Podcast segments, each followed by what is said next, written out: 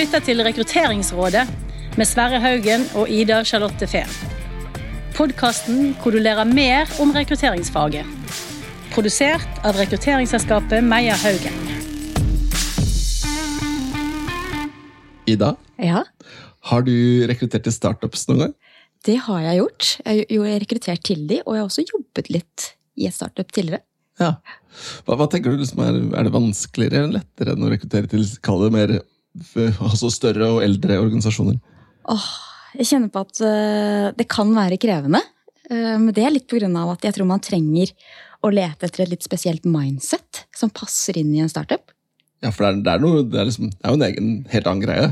Ja, jeg tenker at for Når jeg tenker litt startup, så føler jeg at jeg kan dele litt inn. Da. Du tenker du må ha drive, ikke sant? engasjement, du har lyst til å bare å gi alt. For jeg tror det krever litt. Samtidig som jeg tenker eh, armer og litt bein, mange baller i lufta, Ja. høyt tempo. Ja, og så tror jeg kanskje liksom man, man må se etter de som Eller det er jo noen kandidater som er veldig klare for å bygge noe. Det er liksom en ting, Men det andre er liksom at man må også tå- tåle litt mer risiko. da, kanskje. Ja, ikke sant? Man må jo, du går jo kanskje inn og ikke har den helt den trygge grunnplattformen. som hvis du går inn i et stort selskap, så er det kanskje litt ulik eh, følelse av hva man går til. da. Ja. Og nå har vi gleda oss, fordi nå skal vi altså ha en episode i Rekrutteringsrådet om rekruttering til startups. Og så er vi så heldige at vi har fått med oss to kjempespennende gjester inn i studio. Så nå skal vi snakke med Rolf Assev. Velkommen, Rolf. Tusen takk. Du er altså, hvis jeg har forstått det riktig, så er du partner og co-founder i Startup Lab. Det er riktig. Kan ikke du si to ord? Hva er Startup Lab for noe? Startup Lab er et sted hvor vi samler de beste gründerne i Norge, teknologigründere, og hjelper de til å løpe fortere og tenke større. Ja, Og dere har ganske mange startups under paraplyen, skjønte jeg? Ja, til enhver tid har vi 100 startups hos oss, og eh, hver uke kommer det inn ett nytt selskap og ett selskap som vokser ut. Og da må jeg spørre, Er det liksom, er det fikst 100? Det er regelen, eller er det sånn cirka? nei, det er ikke det, er cirka. Cirka, ja. Så vi har den plassen vi har. Noen ganger er det trangt, noen ganger er det ikke så trangt. ja. Det har alltid vært vanskelig å komme inn, så vi tar inn én av ti som søker. Og Nå gleder vi oss til å snakke med deg om, om tematikken i dag. Men det er ikke bare deg vi har med oss i studio. Vi har også med en annen gjest, og det er Lars Erik Oterhals. Velkommen, Lars Erik. Takk, takk. Hyggelig å være her.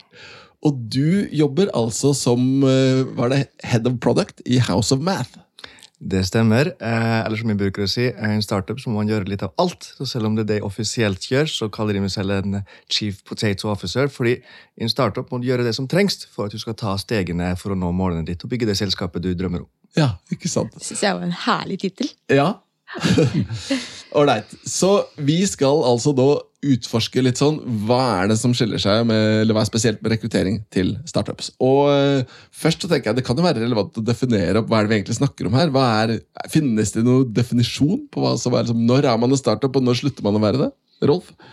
Nei, jeg tror ikke det er noen klar definisjon. Sånn som jeg å tolke det, er at en startup er et selskap eller noen gründere som har en idé og begynner å jobbe med ideen, og eh, den dagen de blir en scaleup, det er den dagen de har product market fit. Vil si de har testet produktet, folk bruker det, de kommer tilbake bruker det om igjen og om igjen. Og hva angår rekruttering, så er det det som avgjør veldig mye hvordan du skal rekruttere. For jeg tror at altfor mange ansetter altfor tidlig i en startup hvor man ikke har product market fit. Mens etter man har fått product market fit, så gjelder det bare å ansette, ansette og løpe, løpe. Ja, så, så det, det vil si at, det vil si at altså, For å spørre, da. Hva er da product market fit? Nei, Product market fit jeg vil si at eh, du har laget et produkt og testet det med kunder. Kundene liker det, og de kommer tilbake, de bruker det, og de betaler om igjen og om igjen. Ja, Du har lite churn, det vil si du mister, mister få kunder. Ja. Og jeg tror det er altfor få startups som bruker god nok tid på å komme over i den neste fasen. Så man driver og kaster bort masse tid og penger på å være ikke product market fit og ansette for mye folk for tidlig. Kanskje den største feilen en del gründere gjør, at de tenker at nå skal jeg bare ansette en person til, så blir alt så mye bedre. Så ansetter du en chief commercial officer, så tenker du hm, nå har jeg ansatt en person som skal selge produktet mitt. Da er det løst. Men det er feil. Det er du som gründer, du som gründeren, du skal selge produktet. Du er den beste som kan selge produktet. En chief commercial officer er kanskje god til å løpe med ti selgere under seg. Men så lenge ikke produktet er ferdig, så vil han aldri, eller hun aldri lykkes. Ja. Så Derfor er det viktig å definere hvor langt er du kommet i produkten, med produktet. Er du product market fit eller ikke? ja, riktig. Er det, har dere en product market fit, eller Lars Erik? Vi jobber i hvert fall med å, å styrke den hele tiden. Jeg tror det er essensielt, som Rolf sier her, at det er kjernen på å lykkes eh, med et eh, scaleup- eller startup-selskap. Eh, Vi ser jo på at alle teamene våre skal jobbe med å tenke på produktutvikling. Altså Du må forstå brukerne. Hva er deres egentlige problem, og løser du det på best måte? Og så er det jo også sånn at du må lære underveis, for det du trodde var best måte for to måneder siden, forstår du kanskje i dag som annerledes. Og det handler veldig mye om hverdagen om en startup, å tilpasse seg til det etter hvert som du lærer fra dag til dag og år til år. Ja, og nå spurte ikke jeg, Du fikk ikke anledning til å si hva House of Math var. Men, men hva er dere, og hvor store er dere, og hvor langt er dere på deres reise? da? Det jeg har lyst til å si, er at vi skal bli nummer én på matteundervisning i verden. Ja. Vi har det store målet. Og det peker jo også veldig mye på dette med rekruttering. Vi ønsker å ha med folk som tror på det, og som tenker at yes, dette vil jeg være med på. Så vi holder til eh, her i Oslo, og det er en eh, edtech-plattform for matematikk. Gamifisert, eh, basert på best practice og forskning innen læring.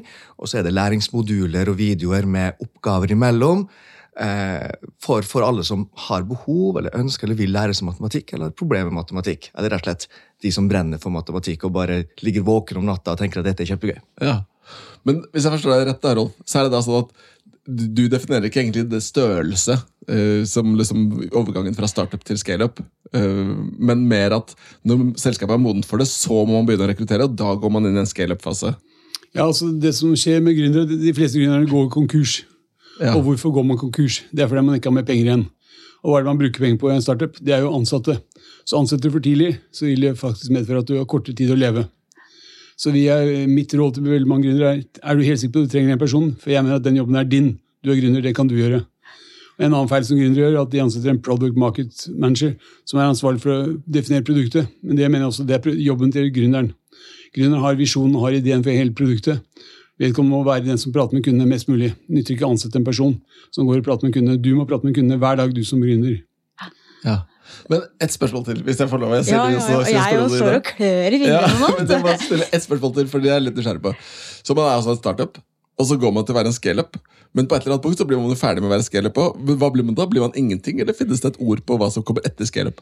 Corporate og kjedelig. Corporate og kjedelig, ok. oh, det er bra. For det, for det jeg er litt nysgjerrig på, hvis man snakker med selskaper som kanskje er eh, vært eh, gründer eller er litt i den fasen da, og skal rekruttere, så er man kanskje litt usikker på hva man skal kalle seg. I, I forhold til Er vi fortsatt et gründerselskap, eller skal vi si at vi er noe annet? I forhold til å sette forventninger Ja. til kandidatene. Det er et bra spørsmål. Og Vi har mange gründere som, og startup som tenker at vi tør ikke å kalle- oss startup lenger, for da blir vi så små. Mens jeg ser at veldig mange store selskaper de ønsker fortsatt å være startups. For da løper man fortere. Definisjonen på startups er at man løper fortere enn konkurrentene. Så hvis man klarer å beholde en startup-kultur i organisasjonen, så tror jeg det har kommet langt. til Hva du kaller det, spiller for, for så vidt liten drille. Ja. Handler ikke det veldig mye ofte om hva man vil være, hva man ønsker å være? Eh, selvbildet som gründer. Hvis man kan og vil kalle seg startup, gjør det, da. Og, og som Rolf sier her, dette med mentalitet. eh, En av grunnene til at jeg tror at VG har lykkes best i et global sammenheng, er jo fordi at mentaliteten der kjennetegner den kulturen da, som man fikk til der, og har eh, eh, med startups. Liksom, vi gjør det, vi prøver, vi får det til. Vi feiler, vi prøver igjen. Ja. ja. Men hva, hvordan er rekruttering til startups annerledes enn en Altså, hva er, hva er utfordringer og fordeler, da, hvis vi tar pros and cons med rekruttering til startups? Jeg tenker at eh, Hvis vi klarer å definere i hvilken fase en startup er, er vi kommet i product market fit eller ikke, så har du fått veldig mye føringer. For I en tidlig fase skulle du ansette poteter som kan gjøre veldig mye, som har passion for det de driver med, og som deler visjon. Ja, for du, du, du er, så, er sånn potet, eh, Lars Erik, eller har vært, er du ikke det? Ja, og jeg tror at det må kjennetegne folk som skal inn i en eh, startup, selv om man er en tidlig eller eh, litt mer voksen startup, fordi det endrer seg veldig fort. Um, Jeg tror man på mange måter opplever at det er et nytt selskap hver tredje måned, minst, og det vil si at hvis du kommer i en startup og tror at dette er jobben din, dette er rammen du skal jobbe innenfor, da vil ikke du trives. At det blir slitasje, det blir frustrasjon, som tar energi fra selskapet. Og det er det siste du vil i en startup, for du må bruke energien på det som kommer til å koste og kreve veldig mye. Og det å få dette til å fungere, skape inntekter, få folk om bord, få tilliten hos investorer, så du kan bygge dette selskapet du drømmer om. Ja. For det er jo, det er jo hvert fall sånn som jeg ser det, så er det jo, hvis vi nå snakker om den tidlige fasen, da, Eh, nå, har jeg, nå har jo jeg startet et selskap selv. Da var det jo jeg og Petter Meyer som startet sammen. Og det var jo liksom veldig mye rettere å få en nummer to og tre, eller nummer tre og fire enn å få inn de første to. da. Fordi det er noe med liksom at hvis, En sånn first mover kan være litt vanskeligere. Den første du får med, er det noe dere ser liksom i deres verden, eller? Vi ser jo startups som søker om å bli medlem i Startup Hvis det er én person, så tenker vi da har vi et problem, for vedkommende har ikke klart å få med seg en annen person. Du har ikke klart å selge produktet til en annen person, visjonen til en annen, person. Så de, to gründere har ti ganger større mulighet for å lykkes enn én gründer. Det tenker vi. Ja. Så du må klare å få med deg i hvert fall én person ja. i, ta, i ideen din før du starter et selskap. Så, jeg, altså, ofte, vi har snakket litt om at man kan skille litt på gründere. da. Du har kanskje den gründeren som starter noe eh, for å tjene penger. Har en briljant idé. Og så har du de som kanskje starter noe fordi de har den store lidenskapen eller passion for området, tema eller, eller produkter. Hvordan merker dere Dette er det veldig bra. Dette er noe av det jeg brenner for. Det er litt når det kommer søkere til Startlab, så ser jeg folk i øynene. det første jeg gjør. Er det passion som driver de, eller er det do- dollartegn i øynene? For Er det dollartegn, så vil de aldri lykkes. De kommer til å selge butikken altfor tidlig. De tror at det tar to år å lage en startup, så de skal bli rike fort. Det tar ti år å lage en startup, og det meste er motbakke. Så du må klare å løpe ti, ti år i motbakke for å lykkes som startup. Og da, må det være noen annen som driver deg enn penger, for penger kommer til å være lite av i alle de ti årene. Så da må det være passion som driver deg. Da må du ønske å løse problem. Ikke? Det må være litt som eh, Klæbo, som trener veldig mange høydedrag hver Ja. uke for å lykkes. Ja. Ja. Dette er også litt sånn øh, vanskelig balansegang, for det har jo vært veldig hot å jobbe i startup. Det er Ja. Spennende, det tiltrekker så masse mennesker som har lyst på en spennende reise. Men er de egentlig klar over hva dette vil koste? Jeg sier faktisk det. Fordi det er ikke sikkert at du kan gjøre det du syns er av andre morsomme ting, da, fordi at startupen og jobben din Ja. Det krever at du må prioritere det først. Det er ikke sikkert du kan gjøre den andre tingen da, som du har, kan gjøre i en mer eh, boring corporate life, da, som, eh, som Rolf sier her. Fordi at Hvis ikke du gjør det, det er ingen andre som gjør det, det kan ikke vente til i morgen, så er du klar for dette. Eh, Og Det tror jeg kan være litt utfordrende når man møter mennesker og skal rekruttere til en startup. fordi man har en bilde på at dette er bare spennende og gøy, men det kommer til å kreve mye. Og ikke bare av det selv, men også av de nærmeste familie. Er man klar over hva det vil koste? Og da tenker de også på at ja, det er kanskje ikke sikkert at du kan ta ut den lønna du håpte på, når du tenkte det. Så er kona, mannen din, familien din også klar for dette. Det er også noe man må tenke på, som det er viktig å snakke med folk om når man skal få de med om bord i en startup. Og derfor kommer denne passion inn, da, og ikke pengene. Ja, og Jeg kjenner jeg får passion nå når du snakker om det, fordi det er jo et kjempeviktig poeng. Og Når vi jobber med rekruttering, og det gjelder også til store, kjedelige konserner, som, som vi kaller det, eh, så, så er vi veldig tydelige på det som på vårt fag heter realistic job preview. Og jeg synes bildet på det er veldig godt. den der, eh, Han godeste Shackleton, han polekspedisjonsfareren, han hadde jo en sånn ikonisk stillingsannonse i avisen på tidlig 1900-tallet, hvor han skriver 'Men wanted for hazardous journey'. Uh, bitter cold, long months of darkness, uh, safe return doubtful, uh, honor and recognition in case of Og low wages. Og honor and recognition in case of success. Så maler jo et veldig grimt bilde av liksom arbeid og kulda og mørke. og alt det der. Men de som går dit, de aller fleste skremmes jo bort, men de som går dit, de vet hva de går til. da. Så det å være ærlig om hvor tøft det er, tror jeg er kjempeviktig. Det blir jo kanskje at man velger en slags livsstil, da, som jeg hører det på deg, Lars Erik. At man, at man må liksom Som du sier, at du må kanskje, det må forenes hjemme i forhold til tid, og at man bruker hele seg på en litt annen måte, kanskje. Og, det betyr ikke nødvendigvis eh, noe med tidspunkter å gjøre, men det handler om tilstedeværelse og, denne passion som vi snakker om. da. Fordi du har lyst. Det handler ikke om fordi du må eller fordi du skal, men det er fordi at dette gir det mest verdi. Dette er drivkraften din, og det er ikke bare gründeren, men det er også spesielt tidlig fase time hvor viktig dette er. Ikke sant? Eh, det var jo, Du nevnte jo det liksom at eh, jeg, mener å huske at noe av det du sa i stad, handlet om dette med hvordan startups har vært litt sånn hot. Jeg husker, jeg kom jo fra, fra stort konsern og jobbet med rekruttering i Accenture. kjempekonsulentselskap. Eh, og Da slåss vi de, om de beste, skarpeste hodene med McKinsey, BCG og disse top tier strategikonsulentselskapene. Og så skjedde det noe for ja, hva skal vi si, kanskje titalls år siden, ti-tolv år siden. Så plutselig begynte, For da begynte nemlig de største konkurrentene til McKinsey BCG ikke lenger å være andre konsulentselskaper, men startups. At mange av de skarpeste gikk til startups. Så det var liksom et sånn skift i markedet for en stund siden. Er det fremdeles sånn?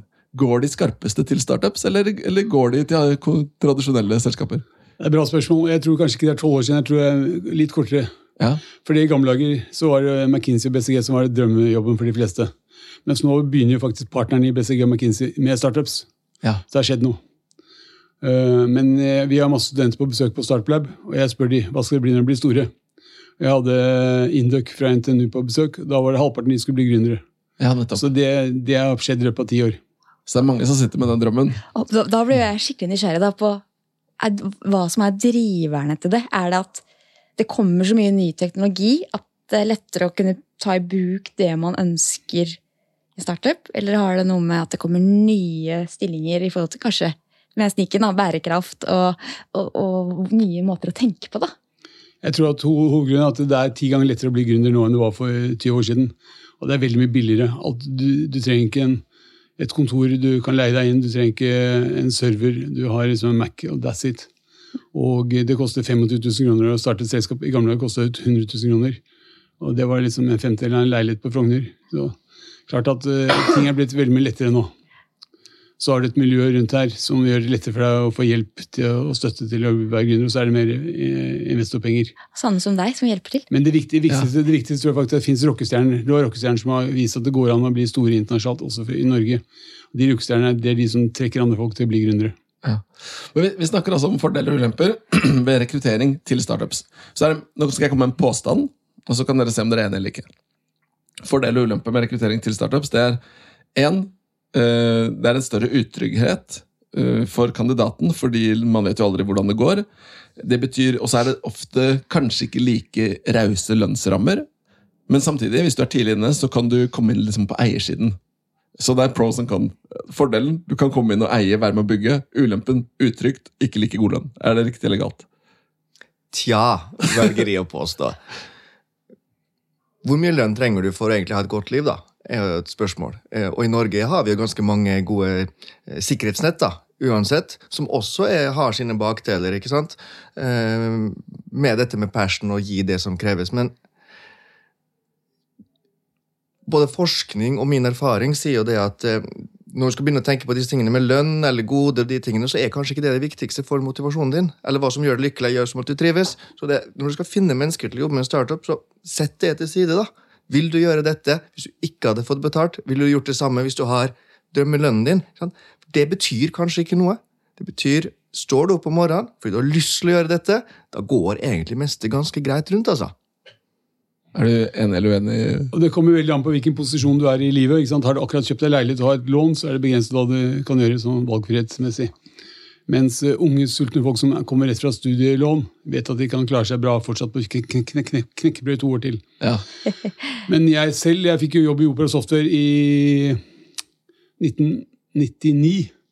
Da gikk jeg ned jeg husker 80% i lønn for å begynne hos Jon. Fikk 3% eierandeler, som jeg syntes var litt lite, men 3% det ble jo ganske mye etter hvert. ja. Så det var en god investering, men jeg hadde råd til å gå ned i lønn fordi jeg hadde en kone som jobbet. Det, og det var min mulighet. Men det er ikke alle som har den muligheten. Det må jeg akseptere. Men det er, ikke, det, er ikke, det er ikke helt feil at ofte så kompenseres en litt lavere lønn med mulighet til å komme inn på eiersiden. Og så handler det også litt om eh, personligheten din. Tenker du at oi, dette kan bli noe, dette er min gulrot for å kunne også være med å bygge dette, da. Hvis du trygges av det, da er du kanskje riktig person for en startup. Men hvis du er trygghetsorientert og trygghetssøkende og tenker at nei, dette er for skummelt fordi de må ha den inntekten fordi at hvis renta går opp som den gjør om dagen, eh, så må jeg ha dette sikkerhetsnettet. Ok, Da er du kanskje ikke riktig person heller da, til en eh, startup, og da blir jo ikke dette en god match. Så det kan være litt sånn turnoff, for det å si at jeg hadde kommet og sagt at jeg vil ha så mye i lønn, jeg vil ha fleksibilitet i hverdagen, for jeg skal ha masse ting jeg skal tenke på for å få alt til å gå opp. Så er det kanskje, blir det kanskje litt sånn turnoff i en sånn type rolle for en sånn type prosess, hvis man blir for, har for mange krav da, i forhold til hva man ønsker inn. Litt tilbake til det jeg sa i sted. da. Hva er det som gir deg energi? Er det å gjøre disse andre tingene, og trenger du tryggheten?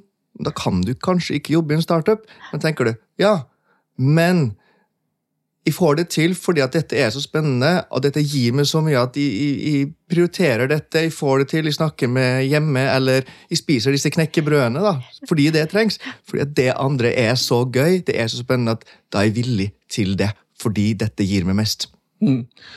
Ok, ny påstand. Mm. Så er det en enig eller uenig.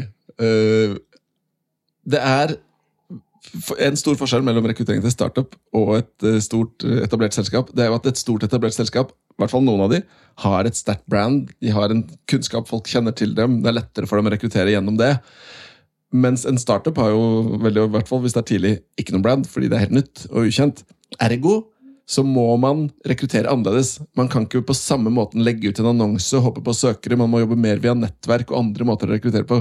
Er det riktig eller galt? Jeg tror det er helt riktig. Og måten man ansetter på i startups, er ofte du ansetter en person som er andre mennesker som man kan ansette. Du ansetter ansetteren. Så Skal du ha en utvikler, så ansetter du den beste utvikleren. Så får du den utvikleren til å ringe alle sine gamle venner som er gode til å utvikle. Så får du ansatt det der på den måten. Sette ut en annonse funker ikke for det som du sier. Du har ikke noe brand, det eneste du tilbyr er usikkerhet. Bitter cold uh, og long months of darkness. Det husker jeg i hvert fall, eh, Sverre. Jeg skulle jo rekruttere en Pearl-utvikler en gang. Ja. Til et sånn startup-selskap. Ja. Det var ingenting som fungerte med å dele annonser eller Nei. tekst om eh, det. Du måtte, måtte ringes og fortelle Mm. historien til selskapet. Historien om de folka som har starta selskapet. Og hva som på en måte er ambisjonene deres. Ja. Jeg har et godt eksempel her på et selskap som har gjort det veldig bra på å ansette dyktige mennesker. Det er Cognite. Og klart at uh, gründeren der han har vært med på denne reisen før, han vet hva som gjelder. Så det første han gjorde, det var å finne ut hvem er de smarteste utviklerne i Norge. Da var det en gründer som satt på Startlab, Fredrik Arnfinsen, som hadde vært med på OL i programmering. Han skal ha tak i, sa, sa Cognite, og det fikk de. Så de fikk han med tidlig. Hans jobb i den, i, som uh, første utvikler i Cognite, det var å bare bruke sitt nettverk på andre dyktige utviklere. Så de har vært veldig flinke. Og de, de henter jo folk fra hele verden. De går til eh, eh, University of Waterloo i Canada, som er et av de kjente selskapene hvor Palo Alto er ansatt fra, og får tak i dyktige mennesker. Ja. Så de har virkelig gjort det. Og nå ser vi at, nå ser vi at våre startups de, de ansetter jo folk fra Cognite fordi de er så flinke mennesker. Jeg har vel kanskje henta et par derfra, vi òg, Ida. Det kan hende. Og jeg synes Det er et veldig godt eksempel, men samtidig Cognite har jo eh, en viss eh, medromsdaling, da, eh, med en stor lommebok bak, så kanskje det også er med på du vet det er noe trygt bak, du vet det er noen med mye penger, du vet at her er det Aker-systemet bak. Gjør det litt lettere? Kanskje, vil jeg tørre å påstå. Det er helt riktig. det er riktig. De hadde jo en stor lommebok i utgangspunktet, og backing de aldri. Så risikoen var mindre. Og jeg vil si, Han fikk en veldig god pakke da han valgte å bli med Cognite framfor å fortsette startupen sin. Men uh, det vi snakker om nå, er referral-rekruttering, heter det på, på, på norsk. nynorsk. Uh, og det er jo også, om man er et etablert selskap, en av de beste måtene å rekruttere på. Som, som gjør ofte det går fortere, og man får gode kandidater. Det er lettere å sørge for at kandidatene som kommer inn, vet hva de går til, for de har en relasjon inn. ikke sant? Så det er en veldig sterk måte å rekruttere på. da. Vi sier også det at vi, må vurdere det litt ut ifra type stilling og rolle også. Utvikler utviklere spesielt. Jeg tror referral-rekruttering er ekstremt viktig. Det handler om at de har lyst til å jobbe med noen de syns det er utviklende og spennende å, å kode med, for å si det litt enkelt.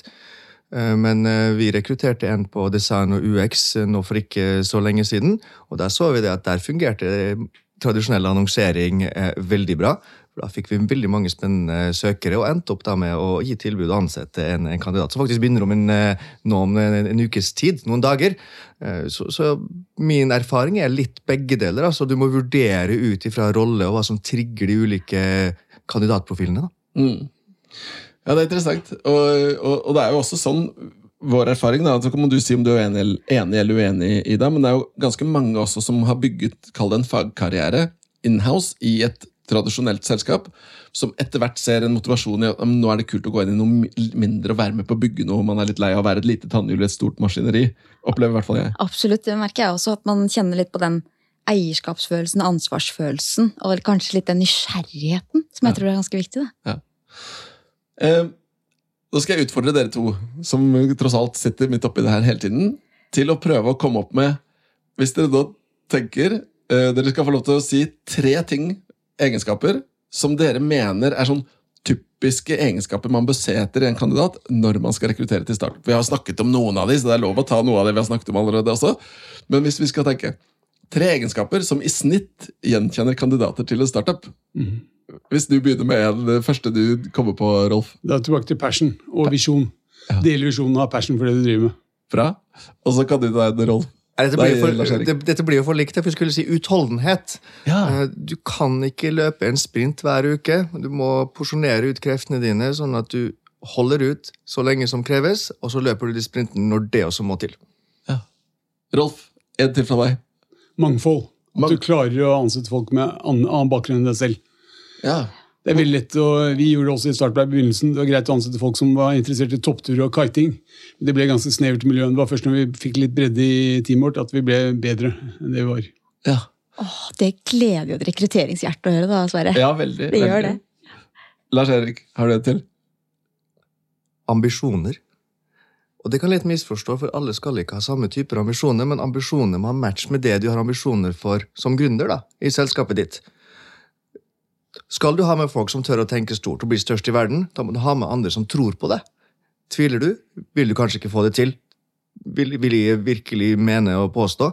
Mens hvis målet ditt da er at vi skal bli aller størst eh, i Bergen, da må du ha med folk som brenner for dette, og det er kjempebra, for da får du team som er på vei på samme sted. Men har du mismatch der, da, da har du laget mye problemer for deg selv, tror jeg. Ja.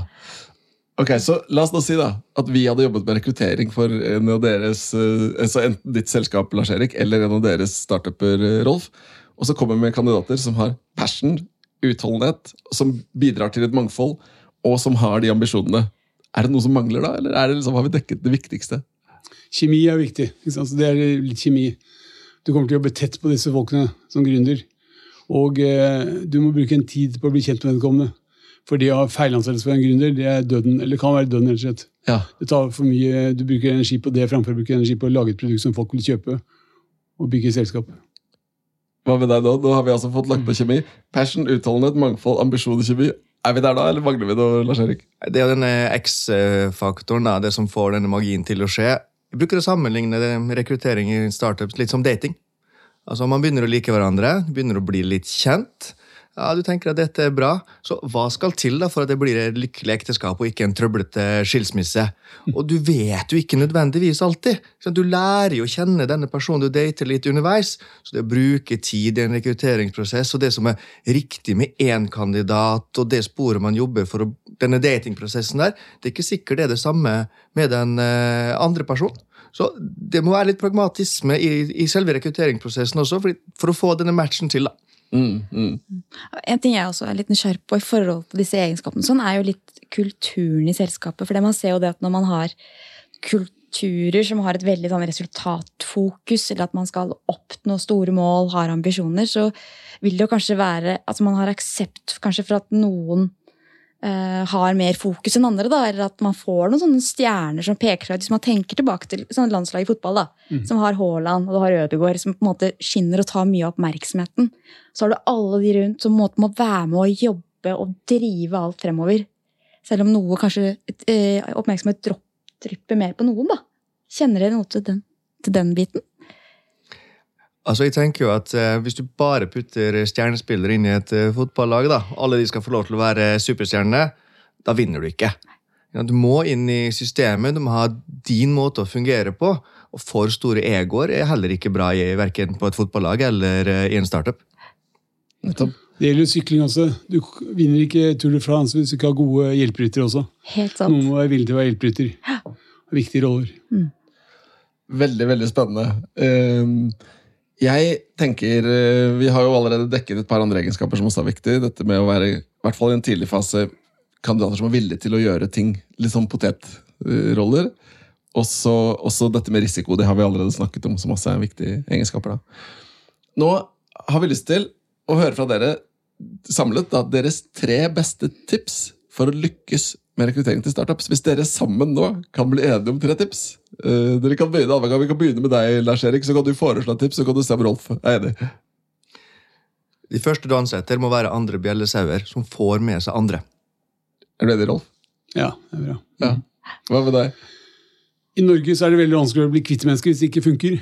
Ja. Så vårt råd er veldig ofte bruk interns for det det er verdt. Gi folk sommerjobb. Se om det funker i to-tre måneder. Det er en tremånederskontrakt. Begge parter vet om det. Funker det, så kan vedkommende få fast jobb. ja. Det var et godt tips. Eh, Ja, jeg tror også For folk som har lyst til å jobbe i store corporates, det har vært innom en startup i tre måneder, er også verdifullt. Så det er en vinn-vinn-situasjon. Det var faktisk sånn vi fikk de første med hos oss. Så, det, så det, jeg fulgte det rådet uten å vite det. da har vi et tredje råd, og der må dere nesten bli enige. Eller du kan ta ditt, uh, Lars Erik, og så kan vi høre om, uh, om Rolf er enig i at det er et godt tredje råd, eller vil legge på et fjerde. Det jeg sitter og tenker på er at Du må finne mennesker som ikke er redd for uh, å være uenige. Eh, For det kommer til å bli konflikt og uenighet fordi man har passion. Du vil jo ha disse menneskene med passion, men da vil du også være uenig om ting. Eh, Men du må vite at dette skaper dynamikk, det skaper fremdrift. Så selv om man er uenige, så skal man få til noe sammen. Du er gode kollegaer, da, for å si det på den måten, eh, men du har passion. Så ikke vær redd for det. Jeg er helt enig, og jeg gir et fjerde råd også. Det er å ansette unge mennesker og gi dem masse ansvar. Ja. I Opera Software så ansatte vi masse unge studenter gjennom ISEC, ISEC som er studentorganisasjon, som gir deg tilgang på folk som er akkurat nyutdannet.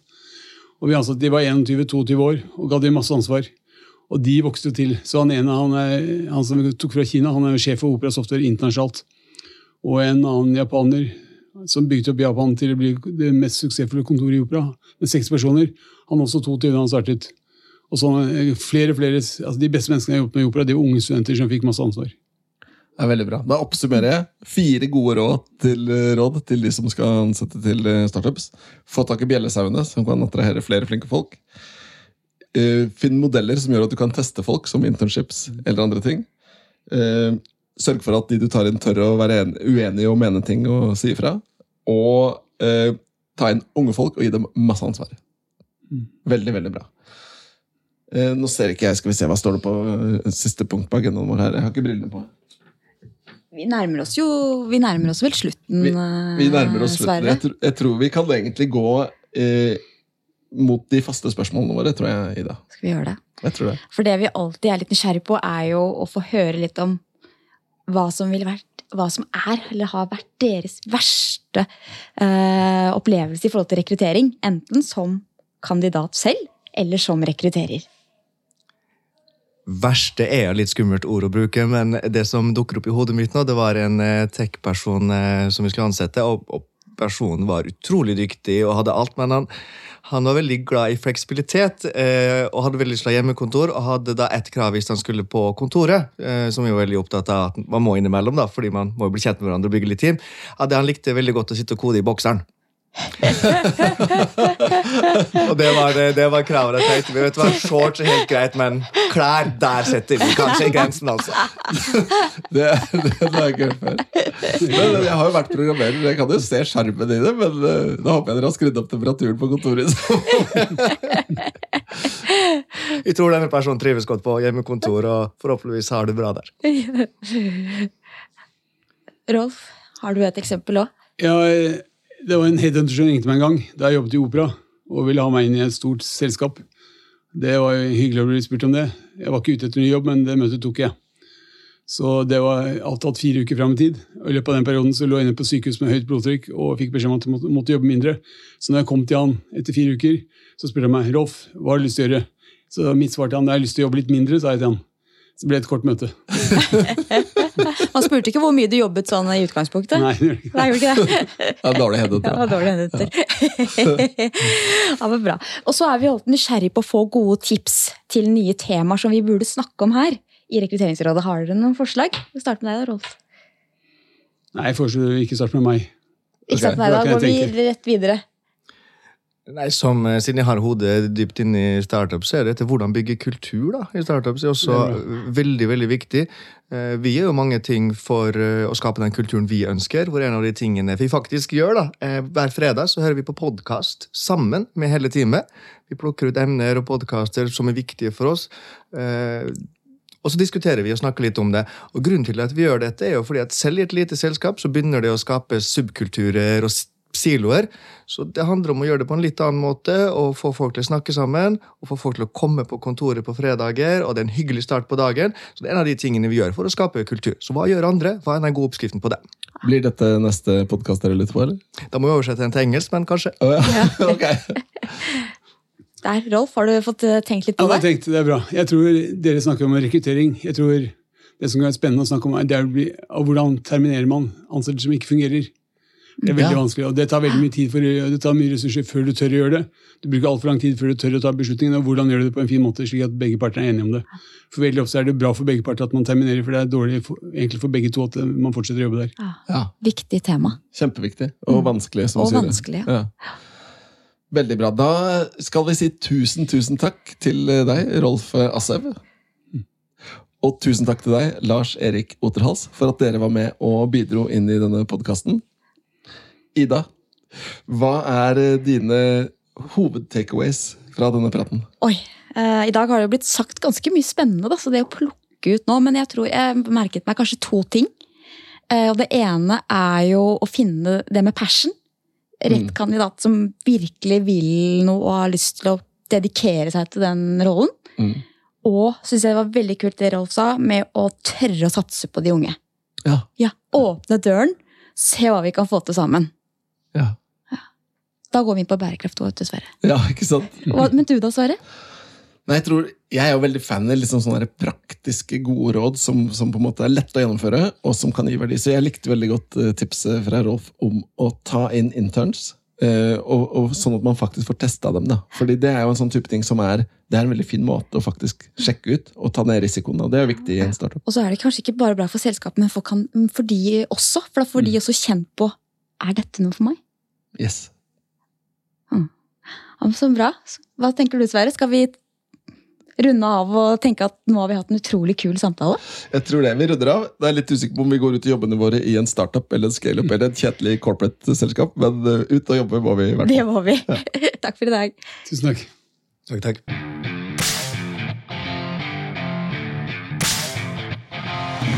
Du har lyttet til Rekrutteringsrådet av Meyer Haugen.